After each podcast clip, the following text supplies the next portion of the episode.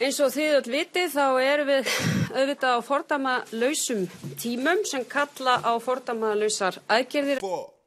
Fordama lausum tímum, fordama lausar aðgerðir, fordama lausum auðvitað á tímum. Eins og þið öll vitið fordama lausar sem kalla á aðgerðir.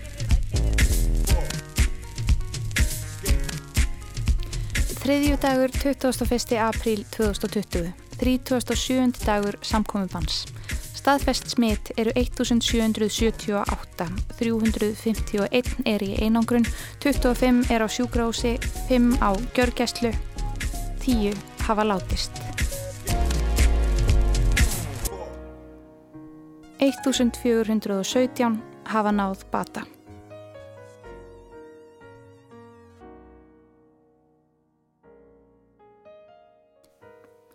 Velkomin í sjöunda þátt sér útgáðu lestarinnar fordæmalauðsir tímar. Í þessum þáttum höfum við verið að skrásetja hérna undarlegu tíma sem við erum að upplifa. Það hvernig fólk tekst á við lífið í miðjum COVID-19 heims faraldri. Personlegar sögur úr faraldrinum, heimsóknir í framlínuna og vangaveltur um framtíðina. Í þettum í dag fáum við insýn í störf framlínu starfsfólk á landsbytalunum. Við heyrum í hjúkurnafræðingi, geislafræðingi, lækni og sjúkraliða svo eitthvað sé nefnt. Heyrum um hlýðarbúninga og handþvott, óta, samstöðu, andlát og bata. Og undir lokþáttar verður rætt við Örnu Haugstóttur, profesor við Læknadild Háskóla Íslands um heilsufarsleg áhrif samfélagslegra áfalla. En við byrjum á landsbytalunum.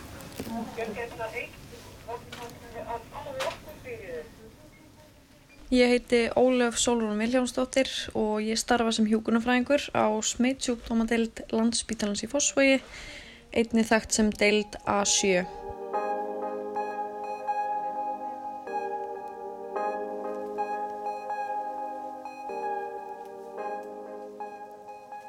Er nú þannig á smittsjúkdómadeildinni að við starfsfólki erum tiltölulega vönði að klæðast hlýðafatnaði en skjólstæðingahópur okkar samanstendur af einstaklingum með ymsar síkingar og smittsjúkdóma á samt almennum livlæknisfræðilegum vandamálum. Ég ætla þó að leifa mér að fullir það að við erum ekki vönði að klæðast hlýðarfatnaði megin hluta hverjar vaktar á hverjum einasta degi en staðan hefur verið svo undarfarna vikur hjá okkur.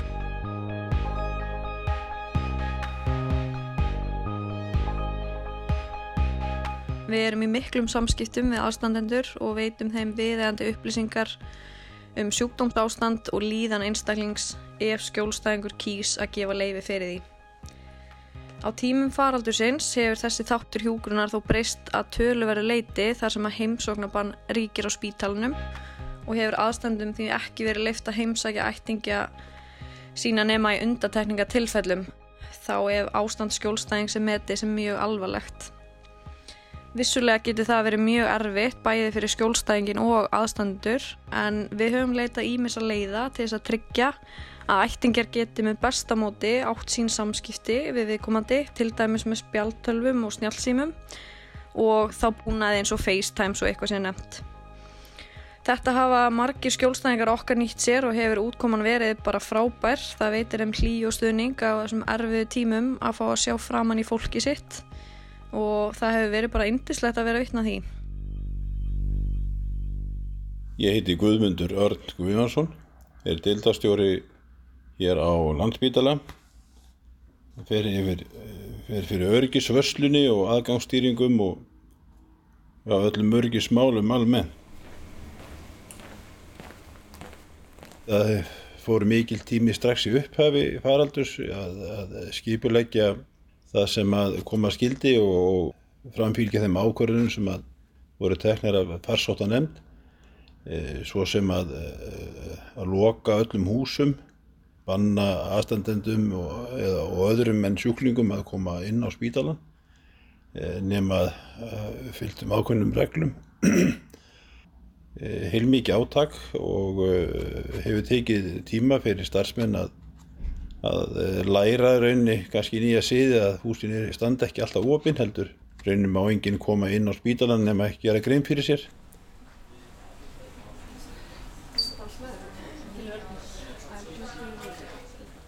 Dildinn og starfsmenn hennar hafa mikið samskipti við sjúklinga, sérstaklega þá sem er að koma á, á dag og, og gungudildir. Þeir koma allir í andirinn, tala við, við þá og vera oft til vegar og láta vita af sér að séu að koma í hitt eða þetta. Eins þessa dagan er mikið álag eh, af aðstandendum skiljanlega sem vilja koma pinglum og, og dóti til sinna aðstandenda inn á spítalanum. Við tökum við þessum hlutum flestum og komum því áleiðis inn, á, inn til sjúklingarna sem að eiga að fá vörurnar. En þetta eru erfiði tímar og, og við skiljum vel að fólk skuli finnast þetta erfitt að geta ekki koma hitt ástvinni sína sem er líka inni. Og uh, gerum við allt sem við getum til að milda þau áhrif þessa, þessa ástands. Hvað samskiptið sjúklingavarðar verði ég að nefna einna helst þá staðreind að við starfsfólkið erum í raun og veru klætt eins og gemverur í fullum skrúða. Við erum í grænum sloppum, við erum með maska, húfur, glerugu og hanska. Og við eigum bara erfitt með að þekka hvort annað þar sem við lítum öll bara eins út. Þannig að hérna, skjólstæðingar okkar hafa því ekki fengið almenlega sjá framann í okkur og okkur svona fannst að vera pínu ópersonlegt. Þannig að það var einhver sniðu sem fann upp á því að, að prent út litla mynd á okkur. Svona mynd eins og er bara í starfsmannaskiptinu okkar nema bara stærri og plasta hana og við límum hana framann á okkur. Þannig, og svo skrifum við líka nafnið okkar með túspenna yfirld á, á, á sloppin og svo á töfluna líka þannig að sjúklingur veit hver er meðan hún veit að Jón er meðan og hérna séum við myndin af Jóni Já, ég heiti Jón Símón Gunnarsson og er sjúkraliði með meiru en starfa núna á livlækningadeild landspítanas í Fossvægi A7 þannig er ég búin að vera í 25 ár. Það er svo margi búin að koma að þessu, það má ekki gleyma því. Bæði sko sérfræðingar á sviði smittgáta og allskynns yðnamenn sem leggjast á eitt verið að breyta rófum kannski í snerturófa svo við þurfum ekki að vera að káa á þessu þetta er ekki það, það, er, það, er, það er allir lags, lagst á, á próginn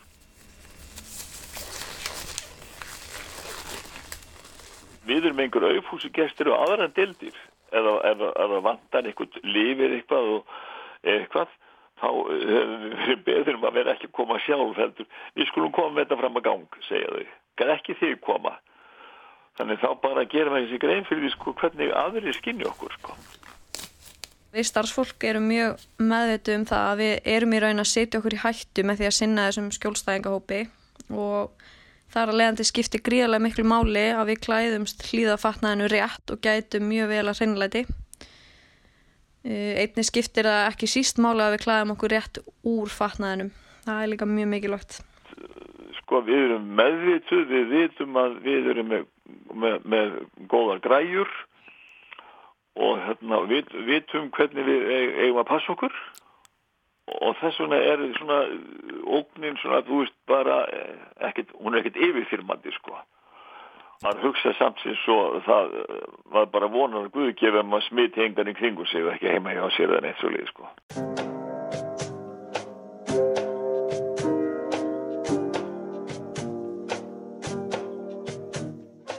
Ég heiti Ástís Elvarstóttir Jelli, ég er deildastjóri síkingavarnadeildar á landsbytaranum. Á síkingavarnadeildinni að þá sinnum við fræðslust til stafsmanna hvernig ná að verja sig gegn síkingum, hvernig ná að rjúa smítleðir, hvernig ná að verja sjúklinga. Þegar fyrir séð var að við myndum fá þennan faraldur til Íslands, þá byrjuðum við náttúrulega strax að undirbú okkur og hafa tilbúna leiðbeiningar sem við myndum uh, þurfa að nota þegar faraldurinn kæmi til okkar. Þessi vinna hún byrjaði hjá okkur í janúar, þannig að þá hófu við eh, skrif á leiðbynningum varðandi þessa veiru og þennar sjúkdóm og hvernig við, hvernig við eigum að vinna inn á spítalunum þannig að þetta væri tilbúið þegar fyrsti sjúklingurum myndi koma til okkar og við myndum greina þetta hér á landi. E, þannig að þegar fyrsti sjúklingurinn greinist þarna um mánuðamótin e, februar-mars þá áttu við til leiðbynningar. Við vorum búin að finna út hvaða hlýðabúnað átt að nota og, og hvaða smittleiði þurfti að rjúa. Við vorum búin að búa til vegspjöld og, og myndbönd og búin að vera með námskeið. Þegar sjúklingu fór að fjölga að þá breyttist okkar vinna þannig að við eiginlega syndum engungu verkefnu sem að tengdust COVID-19. Skráning á öðrum síkingum var að mestu lög til liðar. Önnur verkefni voru unnin ef að þau voru bránaðsynleg. Öllu sem hægt var að fresta á öruganhátt var frestað vinna mín breyttist þannig að ég var eiginlega í símanum stanslust. Síman, ég með tvo síma, þar sé borsíma og, og GSM síma og þeir ringdu gjörsanlega út í eitt og gætnan báðir í einu. Vinnudagurinn minn var þannig að ég mætti vinnuna klukka 7 á mótnana að þegar þá náði ég klukkutíma áður en símatni fór að ringja og áður en ég þurfti að fara á fundi og síðan var ég í vinnunni til svona 7-8 á kvöldin. Það er að segja að vinnudagurum var íðurlega kringum 12 tíma. Símanni getnan hættu að ringja upp úr fjögur þannig að þá var aftur tími til að sinna öðrum störfum heldur en að svara spurningum og fyrirspurnum frá starfsfólki og það aftur var þá orðin mjög dýrmatu tími til að, gera eða leysa önnur verkefni sem að þurft að leysa.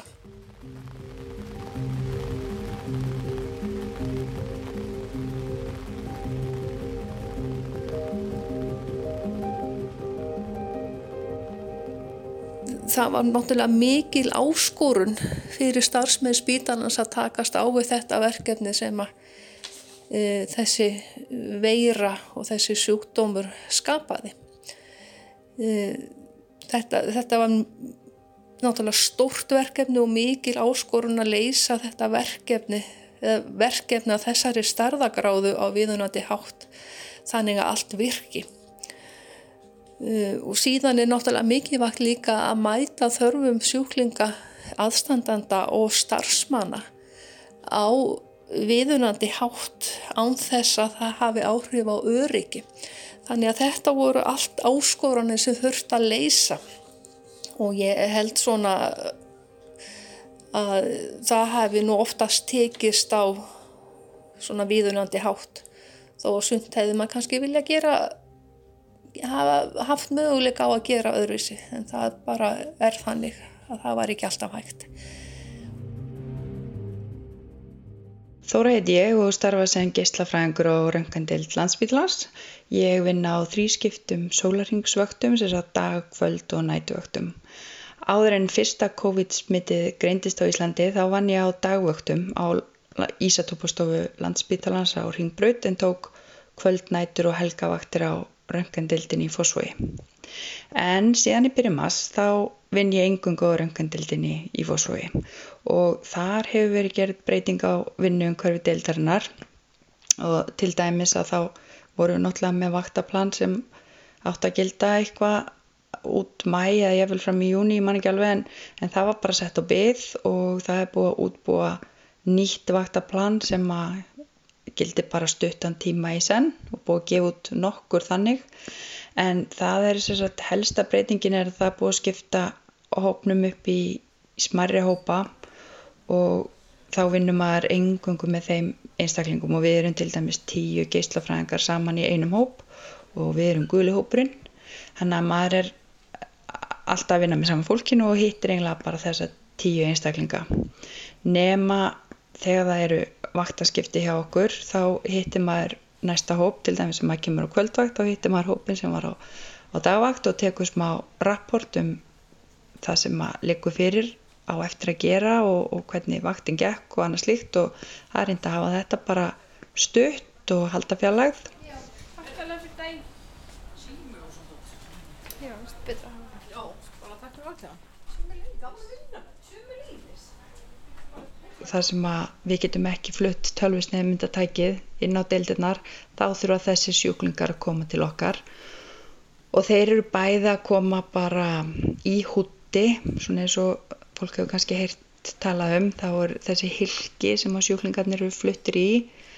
En svo koma þeir líka ef það eru til dæmis bara grunur um COVID þá eru þeir klættir upp sjúklingarnir og við erum klætt, klætt upp líka í þennan klassíska hlýðabúnað og þegar sjúklingarnir eru að koma á tölvisnefndina þá er mikill viðbúnaður, þá þarf að koma vaktmennir, loka ganginum, þá má engin, engin starfsmenn eða aðrir vera á ganginum á meðan sjúklingurinn fluttið til okkar og það er ekki opnað aftur fyrir hann er farin. Þannig að þetta er svolítið svona skrítinrunnuleiki.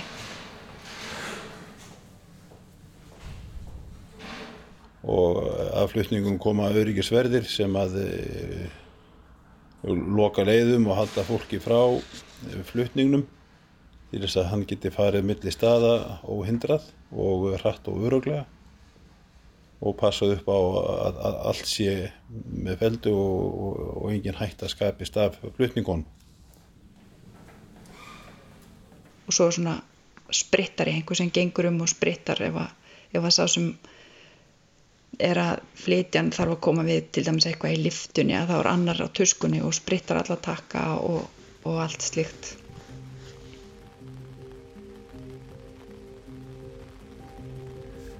Við höfum eh, fengið eh, liðsauka, það var gaman að segja frá því að, að við konnuðum hjá eh, Ísafja með að fá auka mannskap, öryggisverði frá þeim Eh, það reyndist auðsótt mál en það er kannski mjög rólegt á í livstöð.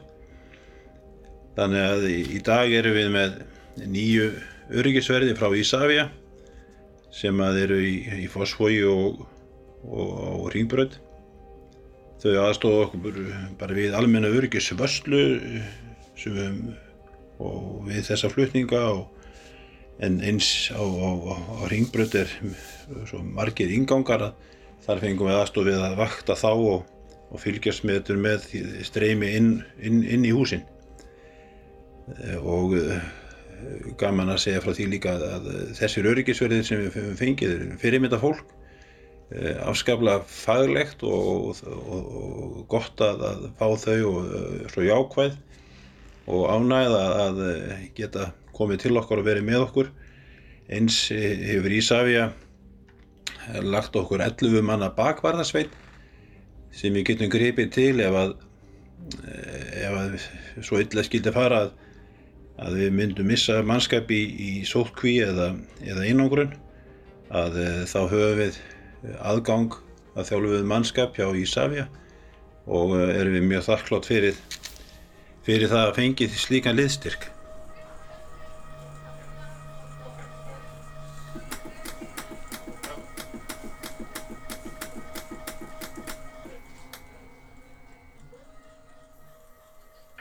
Ég heiti Már Kristjánsson og er yfirleiknir á smittsútumalækningum á landsbytalanum og þar að auki uh, starfa ég sem formaður farsóttanemndar og er þá hluti af uh, svo kallari viðbaraðstjórn uh, núna á farsóttatíma.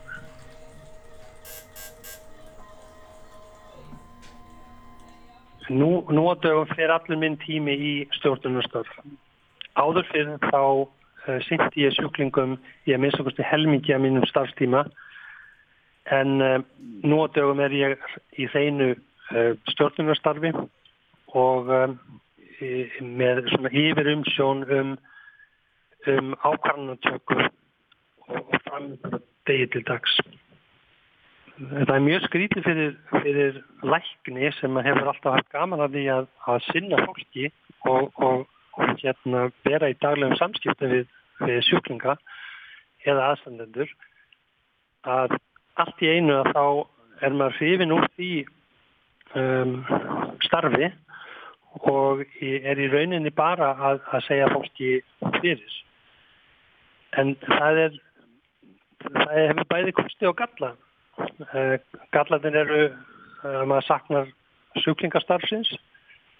Um, kost kostirnir eru kannski þeir að maður kynnist ótrúlega mörgu góðu fólki og um, verður eiginlega fullur aðdánar að því hvað sko allt samstagsfólkið reynist samstilt og um, ákveði í því að, að, að koma öllum sínum faglegu sjónamiðum og framfæri sjúklingunum til hylla.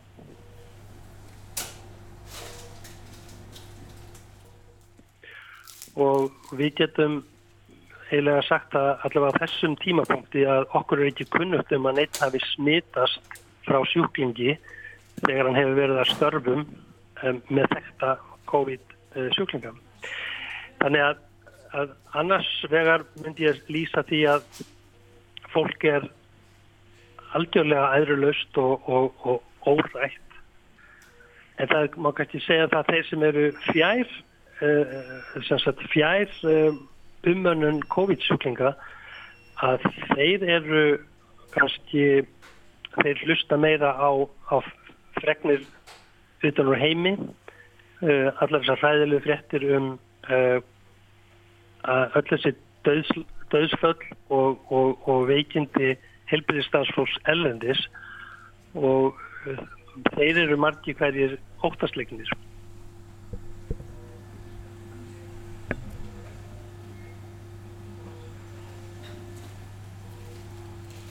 Uh, ef ég ætti að lýsa því hvernig mér líður almennt í vinnunni myndi ég segja bara mjög vel og eru margar ástæðir fyrir því. Það hljóma mögulega skringilega í eirum einhverja þegar ég segi að ég hef í raun aldrei haft jafn gaman á starfu mínu eins og núna þrátt fyrir ástandi séu þetta graf alvarlegt.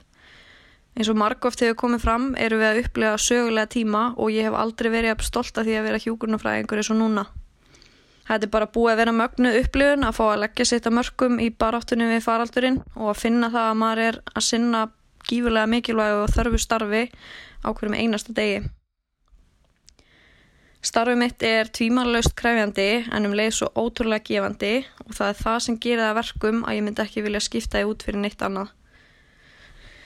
Það reynir gífurlega á, bæði andlega og líkamlega, að þurfa að klæðast hlýðafatnaði meir hluta vaktar þar sem að það er mjög heitt að vera í þessum búnaði.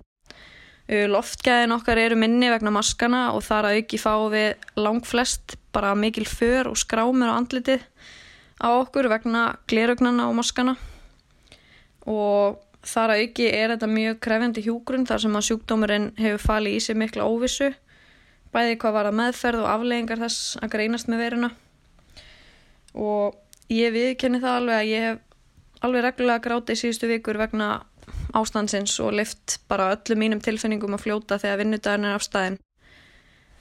Maður upplifir nefnilega heilmart í þessu starfi sem fólk bara gerir sér ekki endilega grein fyrir og það getur oft verið mjög erfitt að halda höfði þegar mikið á reynir og þá sérstaklega í óþægtum aðstæðum eins og þessum. Mér veist þó engin skömmver í því að sína tilfinningar. Við erum mjög öll mannleg og teljið það að vera mjög þróskandi bara að geta talað um tilfinningar sínar uppátt ef maður kýsa að gera það svo. Uh, ég er virkilega heppin að hafa gott bakland á baku mig, uh, fjölskyldu og vini mína og síðast en ekki síst, síst mitt frábæra samstarfsfólk. Það er þeim að þakka að manni lýri að vel og raunberi vittni í vinnunni. Get alveg staðfest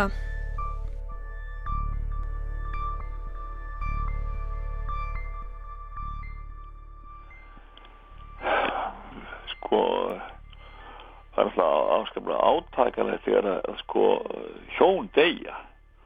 Það er svakalega stór pakki sko. Og það var hérna um daginn voru hjón eh, hún, hún dó úr alltafinu sjúkdómi og svo kemur hann inn veikur af COVID og hann deyr. Þegar tveir einstaklingar fara sko og já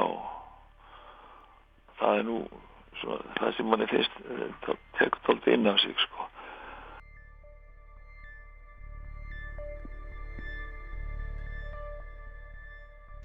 Svona það er ímislegt í vinnunni sem kannski maður á aldrei eftir að gleyma. Bara um, já, mun bara örgla maður alltaf muna eftir því. Og það er svona eins og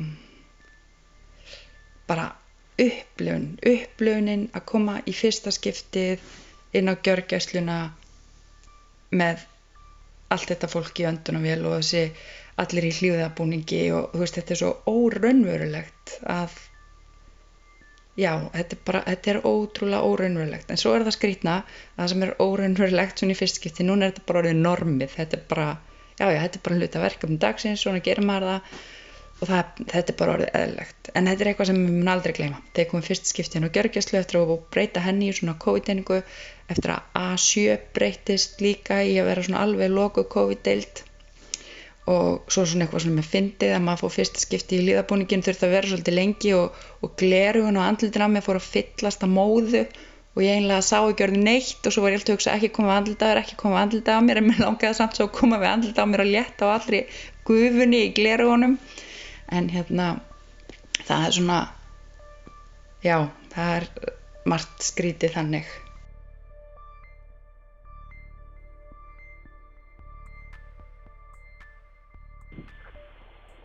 Já, mér, mér, mér er eftirminnilegur uh, uh, kannski fyrsti sjúklingurinn sem var alvarlega veikur og uh, ég kom að sem sagt umönnun hans, þetta var í árdaga faraldur sinns og þetta var til dælu ungu maður sem hafi lagst inn og, og hann rakaði mjög um, mikið. Um, í, í, við hefum verið að ræða það kollegarnir um, um hvaða úrræð, til hvaða úrræði við getum gripið. Og eins og kunnugt er að þá hefur verið notað sem að malaríulif og, ímis síklarlif um, til að, að reyna að draga úr einkennum sjúklinga. Og jafnframt vissu við að gögn erlendis frá hafðu sínt fram á að það veri mikil, mikil bólka sem að myndaðist í lungum sjúklingana í aðdraðanda þess að, að þeir veiktust og færi á, á gjörtjastadild. Þessi sjúklingur hann, honum rakaði mjög skindilega og við örðum að rakka eða stakka með það að beita uh, ákveðinum livjum, líftækni livjum til þess að grýpa inn í ferilinn sem við taldum að myndi vera til bóta en á þeim tímapunkti vissu við svo sem ekkert nákvæmlega hvernig þetta liv myndi verka í þessu tilvíkin og undir þeim kringustafum að þá var svo sem ekki eftir að ræða þetta mikið við sjúklingin sem var afar veikur og þá því rætti ég við eiginkonu viðkomandi og, og útskýrði stöðum áls og, og, og fekk heimild um, eða hún segði að ég hef ekki fengið mótbáru fyrir því að, að beita þessari meðferð. Og, eh, og við sem sagt ákvæðin síðan að gefa sjúklinginu þessa meðferð og, og uh, það skemst þá að segja að, að sjúklingunum batnaði mjög um, á mjög dramatískan hátt um, þessi einkenni. Og um, síðan hefur við verið að nota þetta svona af og til þegar, þegar okkur finnst það að vera við eigandi og, og það eru svona kannski aukin gögn sem að stýðja nótkunn með þessum hætti. En þetta var mjög gleðilegt að, að sjá þennan mann fara að snúa svona gjörsamlega við í sínum veikindum. Honum hefur síðan farnast vel og þetta er svona eitt af þessum augnablikum sem að maður veit að, að það sem að við erum að gera skiptir verulegu máli.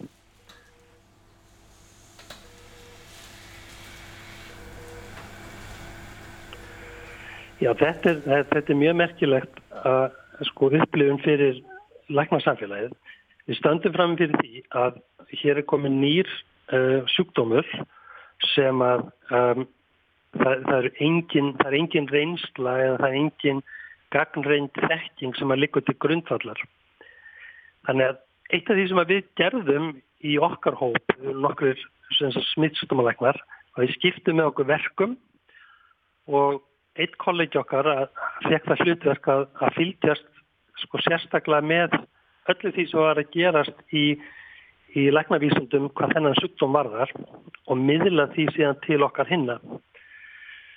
Og uh, það, það var ljóst að menn voru að reyna ímislegt í útlandum og uh, við hafðum í svona engin um, ekki í neinn önnur hús að vernda en að reyna að nýta okkur reynslu annara en eins og, eins og, eins og hefur komið fram að þá er, hérna, þá er hefðbundin læknisfræði, hún byggir á gaggarinduði þekkingu þegar hennar nýtur við. En, en svo má kannski segja að það sé kannski hluti af læknislistinni að það er að reyna að beita þekkingu og, og þeim miðlum sem að til er uh, til þess að, að meðhandla sjúklinga.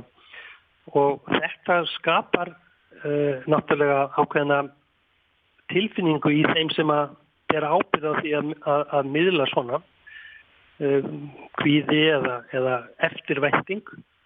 Og, og það er akkurat kannski samblanda þessari tilfinningu sem, sem, sem við höfum verið að bera með okkur í brjósti. Það er, það er þessi svona tilfinning að, að að við erum að reyna að gera það besta en við vitum ekki alltaf hvort að það er rétt. Og, og, og síðan hangir yfir manni tilfinningin. En ef ég er að gera þetta svona er ég kannski að skada sjúklingin og það er þessi tókstreita þessarar, þessarar hugsunar sem er í held ég flestum okkar. En, en grunnstefið í öllu sem við erum að gera er að reyna að gera það sem er réttast fyrir sjúklingin á hverjum tíma Allir mestir Marg Góð, takk Egið góðan dag. Takk leiðis Stáðu vel. Stáðu vel Ég held að þetta er svona þú veist með þessa upplifun í heild að eins og fyrir mig að þá mann ég alltaf ég man nákvæmlega hvar ég var þegar ég heyrði að Diana Prinsessa var í dáin og ég man nákvæmlega hvar ég var þegar uh, ára sem var gerð á tvíburaturnana og ég held að ég mun alltaf muna þegar ég myndaði fyrsta COVID-sjúklingi minn sem var staðfest smitt út í gámi og viðkomandi var svo rosalega lasinn. Og þetta þá einhvern veginn varð allt svo raunverulegt. Þessi veira var komin og, og þú veist þetta var svo, þetta var bara svo raunverulegt og bara alvarlegt. Og þetta er einhvern svona aðstæð sem ég mun alltaf muna. Allt mitt líf, ég held ég mun aldrei gleymi þessu Nú er ekkert íst að ég skinni þetta eins og almenningu sko eins og ég segi við erum búin að vera yfir 20 ár þarna eða ég og oft að sinna ímsu sem er sko bráðsmitandi og og þar er, er maður kannski, maður kipir sér ekki eins mikið upp því þetta á þess að ég sé að gera lítið úr því skilur þú en ég kannski geta að kipa mér svo mikið upp því þetta. Maður gengur bara til þessara verka sko og og hugsa bara til þess til dæmi sko hvað við Íslandingar höfum það gott þegar maður er að sjá fréttir sko í fjölmjölum af ástandun annar staðar fólk fær valla grímur og maska og það er ekki vatn til að þrýfa sig. Við höfum sko eh, yfirvöld hafa gert þetta eins bara auðvelt og hægt er. Það er, það er ekki tilspara til þess að slástu þetta, þessi pötu og eh, við fáum ekki nógsæl að þakka fyrir það hvað við bara höfum það gott. Og það er gott fólk fyrir stjórnvölinn sem við tekið greinilega hárétt á þessu. Það er alltaf sjást bara betur og betur. Og þetta hefur bara verið, verið tækla bara réttan hátt. Og það er sagt, og allir hafa lagt, lagst á sveif við að gera þetta bara uh, viðunandi. Við finnum það líka að, að það er álægið er aðeins að minka og, og, og það lítur út fyrir það að við séum að vera bú, komin yfir mest á kúfin og erum vonandi að, að, að sigla þá í rétta átt og vonum að allir haldi haldi þessum eh, takmörkunum sem hafa verið sett á alla að þetta haldi og við fáum ekki annan, annan aðra hólskepli yfir okkur. Það er svona kannski það sem mestur ávíkjöndan er núna eh, að, að þetta haldi öruglega og við fáum ekki yfir okkur aðra hólskepli þó við þurfum að takast á við takmarkanir fram á sumar þá, þá er það betra heldur en að fá þetta yfir sig allt saman aftur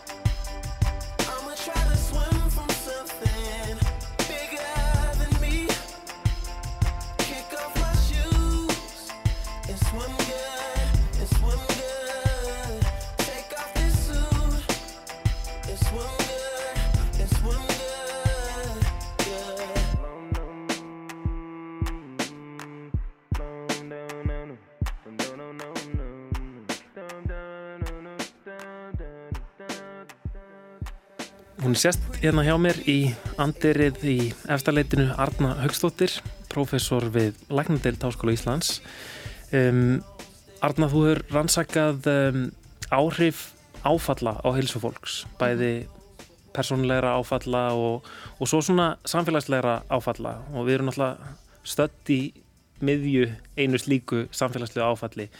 Um, hvernig er það sko, uh, samfélagslega áfall eru náttúrulega mjög ólík og fjölbreytt, það getur verið efnagshrun eða náttúruhamfarir, um, en eru einhver svona hvað var að segja, nánast eins og lögmáli er eitthvað svona tilneyingar hvernig, hvernig hafa áföll áhrif á heilsu samfélaga? Er, er, já. Svona þessi samfélagslegu áföll það getur náttúrulega bara verið mjög mismunandi eftir hvers konar áföll það eru og, og það sem við höfum sem betur fyrir ekki upplega hér það er mikið verið rannsakað eins og stríð og hriðiverk og áhrif þeirra á samfélag sem eru náttúrulega ræðileg og það sem við höfum helst séð hér það er náttúrulega efnahagsröðnið fræga og svo náttúruhamfæraðnar sem við veriðumst upplega reglulega sem eru líka misalafleg en það sem maður hefur séð svona í gegnum tíðin að, að svona fyrstu viðbröð eru ofta ákveðin svona e, það er náttúrulega e, ótti sem getur gripið um sig svona fyrsta kastið. En svo kemur líka eitthvað svona sem tengir samhældni og eitthvað um jákvæðum þáttum.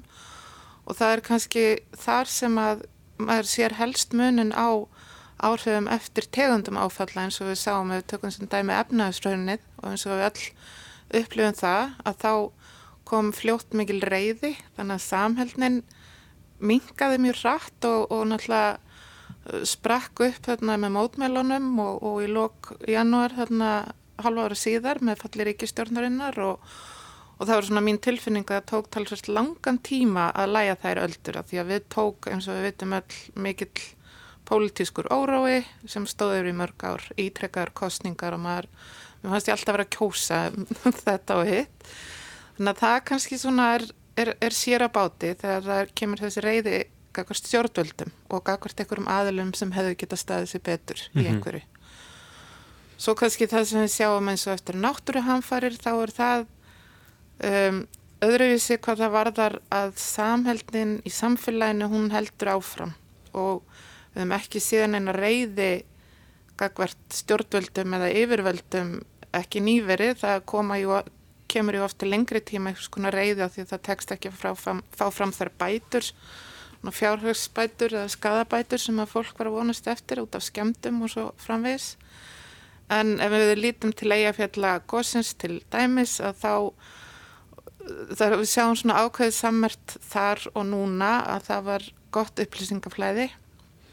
Og okkar sérfræðingar þá, eldfjallu sérfræðingarnir, voru mikið í fréttum og voru mjög dugleir að upplýsa almenning og ekki síður bara íbúa sæðinu um það sem var í gangi, heldur öklulega upplýsinga að fyndi á sæðinu og þar virtust fólk vera svona almennt ánægt með hvernig var brugðist við og þjóðin stóð svona saman mm -hmm. í, mhm. í því verkefni. Í mitt og ef við komum núna í nútíman þá er eins og þú segir, þetta er bara auðljóslegt, samfélagslegt áfall eins og við öll erum að upplifa en það er kannski líka sérstakt núna að maður finnur þessa samhældni og sem er ekki síst því að þakka að við berum mikið tröst til lifivalda mm -hmm. og það ég held að komi bara fréttunum í gæra að hér á Íslandi er mest tröst almennings til helbriðs yfirvalda út á COVID. Emmitt.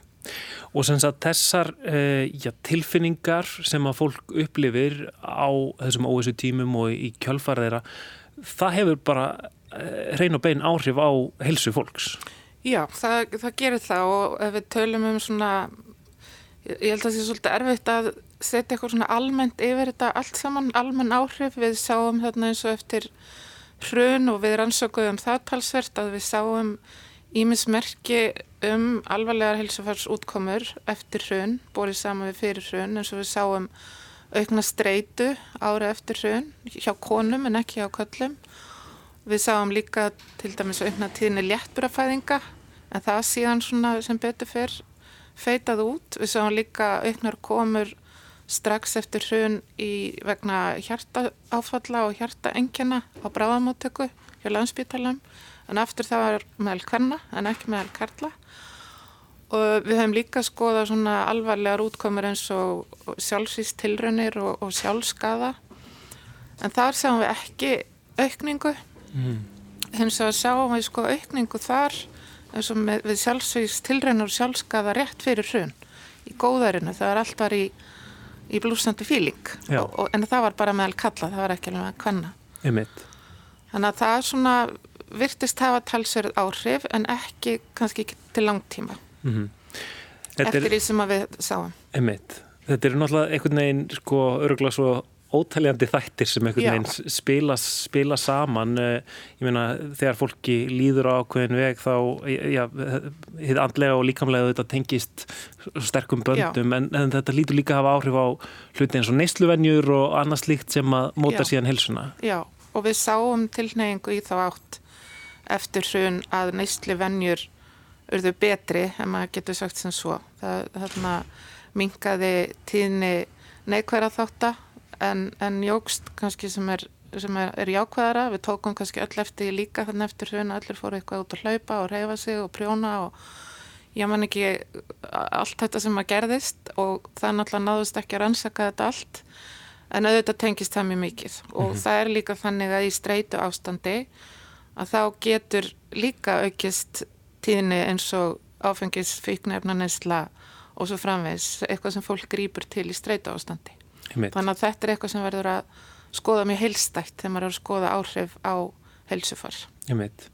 Um, sko, án, án þess að alltaf láta þið fara eitthvað neina að, að spá fyrir uh, hvernig, hvernig þetta munir nákvæmlega hafa áhrif á okkur. En, en hvað hva, hva heldur, hverju heldur að vegum að horfa eftir núna? Sko, hvað hvað, hvað heldur að sé einstakt við þetta ástand núna sem að muni móta helsu okkar til frambúðar?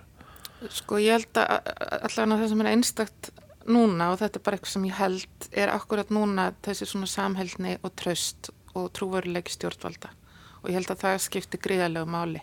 Og maður sér bara núna maður er í gangutúrum að það er ofta að stoppa fyrir mann á götu og allir bjóða góðan daginn og það er svona ákveðin þetta er svona mín upplifun og mín tilfinning. En það sem getur síns verið gerð síðan og eins og við bara sem að lesum fréttur og horfum í kringum okkur að það verður mikið atvinna óryggi fólk er að missa vinnuna. Fólk er að lendi fjárharserfileikum fyrirtæki munum frá hausinn.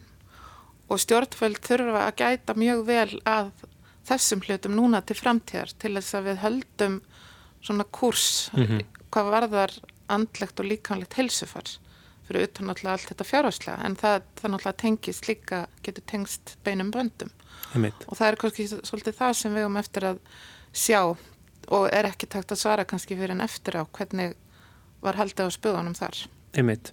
En getur við, sko, getur við þá í, í rauninni lært eitthvað af til dæmis síðasta efnarsrunni, getur við einhvern veginn komið í vegferir uh, að, að, hérna, að, að þessar slæmu heilsufarslegu afleðingar komið fram svipað og þá kannski? Já, mér finnst ég verið að koma út svo hálan ís þegar ég voru að fara að tala um stjórnmál. En ég ger það bara samt. Ég held að það verði alveg klárlega að tryggja heilbríðiskerfið það verður að tryggja gott aðgengja heilbríðistjónustu og ekki síður fyrir sálræna þjónustu því að það er kannski eitthvað sem kemur uppsapnað og það sem fólk er ekki til dæmis að geta nýtt sér núna að því það er bara skert aðgengi. Eh, það hefur ekki efnaði, það er dýrt að fara til salfræðings og það er eitthvað sem að er svo sannlega að breyta. Þannig að tryggja heilbreyðskerfi og velfæra þjónustu líka til lengri tíma. Mm. og passa það allt sem að hefur byggst upp á þessum vikum þar sem allt hefur verið lokað að það nái, fólk ná að fá það þjónustu sem það þarf á að halda. Ég held að það væri svona út frá helsu alveg bara A og Ö í, í þessu. Að tryggja heilbreyðskerfi og aðgang fólks að því Einmitt, og maður getur nú líka eiginlega ímynd sér að, að svona já, andleir kvillar uh, sé að hrjá uh, enn fleiri núna í þessu sko, einangrunar ástandi í samkomiðbanni og samskipta fjarlæðin að fólk er einangraðra og, og það kannski yfir upp svona. Og maður hefur miklar ágjur á því og, og kannski sérstaklega með eldra fólk sem að þarna hefur lokað sig af og, og náttúrulega yngra fólk líka en að því að einmannileiki er það vest að sem að fyrir mann kemur en manni líður illa andlega og það besta sem maður gerir er að vera að hitta sitt fólk og vera í samskipt með sitt fólk. Og ef það er einhvern veginn hamlað núna þá er það mjög alvarlegt. Þannig að það, það er eitthvað sem er verra heldur en til dæmis eftir í hrununu mm -hmm. Einmitt 2008 Einmitt. Já, þú talar um til dæmis eldra fólki í þessu uh, samhengi.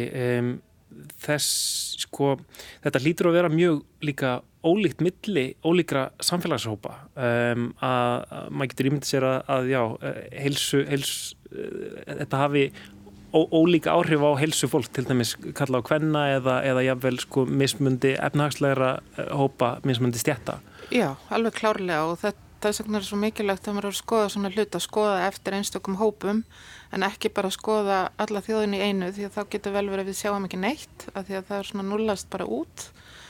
En þess vegna er mjög mikilvægt eins og þú segir að skoða einstakka hópa og bera saman aldurshópa og kyn og þarna eftir tekjuhópum og stjættum líka að skoða erlend fólk sérstaklega og bara spurningum aðgengi þeirra upplýsingum og þjónustu sem að þau kannski, það hefur þó verið gert mjög mikið í því finnst mér að, að koma rétt um upplýsingum á ólegum tungumálum til fólks mm -hmm. en það er svona hópur sem mér dættir í hjá líka sem að gæti verið í ákveðna áhættu Einmitt. Einmitt. Konur sem búa í ofbeldissambandi það hefur verið mikið rætt en um það börn í Einmitt. hættu og svo framvegs þannig að þetta eru, þetta eru fullt af hópum sem þarf að gæta sérstaklega myndi ég velta í svona ástandi Ég, sko, það hefur mann hefur þótt í raunin alveg nokkuð mikil umræðum um þetta það er svona eh, eins og, og bandaríkja fórsetið talar um að, að lækningin með ekki vera hérna, eh, verri heldur en sjúkdómurinn mm -hmm. og, og þá er kannski verið einmitt að tala um hérna ímsu kvilla sem að kannski geta eh, hrjáð fólka því að þetta er náttúrulega við erum að takast á við heilsufarsvá mm -hmm. en svo geta afleðingarnir verið í ímurs konar önnur heilsufars ímsir um, aðrir kvillar um, og við, sko, við erum í rauninni kannski stöðut að, að vega og meta einhvern veginn hvað hvar hættan er mest. Þetta er svona þetta er svolítið skrítið ástand. Þetta er mjög skrítið ástand og þarna en mér finnst það að tekist vel til hér að gæta að, að hópum sem eru mestri áhættu af því það hefur alltaf verið línan frá upphafi að við þurftum að passa eldra fólkið, fólk á hjógrunarheimilum og, og fólk sem er veikt fyrir. Þannig að mér, mér finnst það hafa verið alveg skýrt mm -hmm. hér og það verðist þegar þetta er sagt það verðist verið að ganga vel. Að halda þegar maður horfir á hvernig, hvað er að gerast í öðrum löndum þá verðist við verið að allavega núna halda vel á spöðunum Ég mitt Um, ég gerir ráð fyrir að, að uh, þú munir fylgjast með þessu og kannski rannsaka hvernig helsu, helsa þjóðarinnar kemur út úr þessu öllu saman. Já, það er náttúrulega, það er náttúrulega í okkar rannsóknar hópi brennum fyrir þessar spurningar áhrif áfalla og helsu og samfélagsleira áfalla. Þannig að við erum með í undirbúningi þannig rannsók og það er sem okkur langur að bjóða þjóðina að taka þátt í, í, í rannsók sem heitir Líðan þjóðvar og tímum COVID-19 og munum kynna það meira á næstu dögum en það er mhm. gríðarlega spennandi verkefni sem að öll þjóðin getur tekið þátt í með og við erum í samstarfi við sótvarnalækni og landlækni þannig að það verður bara mjög spennandi að sjá hvernig það gengur af því ég held að það sé líka svo mikilvægt að gangi vel og margir takið þátt svo við lærum hvernig við getum bröðust betur við næst eða hvernig við getum fært þekkinguna áfram og jáfnveil til annara þjóða. Einmitt. Þannig að hér er svona einstaktt tækifæri til þess að gera það. Einmitt. En maður getur líka ímynd sér sko að, að, hérna, að það séu aflaust kollegar þínir um, um allan heim sem eru að, að fara í svipaðar uh, rannsóknir. Þetta er náttúrulega svo merkilegt að já, nánast allt mannkinn er að upplifa uh, svona sam, sömu krísuna um leið. Já og það er ansi magnað. Hér er ekki mikið spurt um stjættaði stöðu landa sem að þarna lendi í þessu. Við erum alltaf lendi í þessu saman og, og það er örgulega fullt, fullt af rannsóknarhópum að, að skoða það sama sem betur fer og við erum til dæmis í samstarfi við sambarilega rannsóknir á Norðurlöndum sem að munum líklega nota sama spurningalista og við og þá getum við bórið saman bæðið sko líðan þjóðana en, en ekki síður borðið saman eftir viðbröðum stjórnvalda og, og hvenar þau voru á hápunkti og hvenar fóru að læka og hvenar, hvenar, hvernig fólki leið á hvaða tímapunkti sem við skoðum. Þannig að það verður mjög spennandi. Mitt. Arna Haugstóttir, uh, takk hérlega fyrir komuna í lestina til þess að ræða samfélagslega áföll og helsu Takk fyrir mig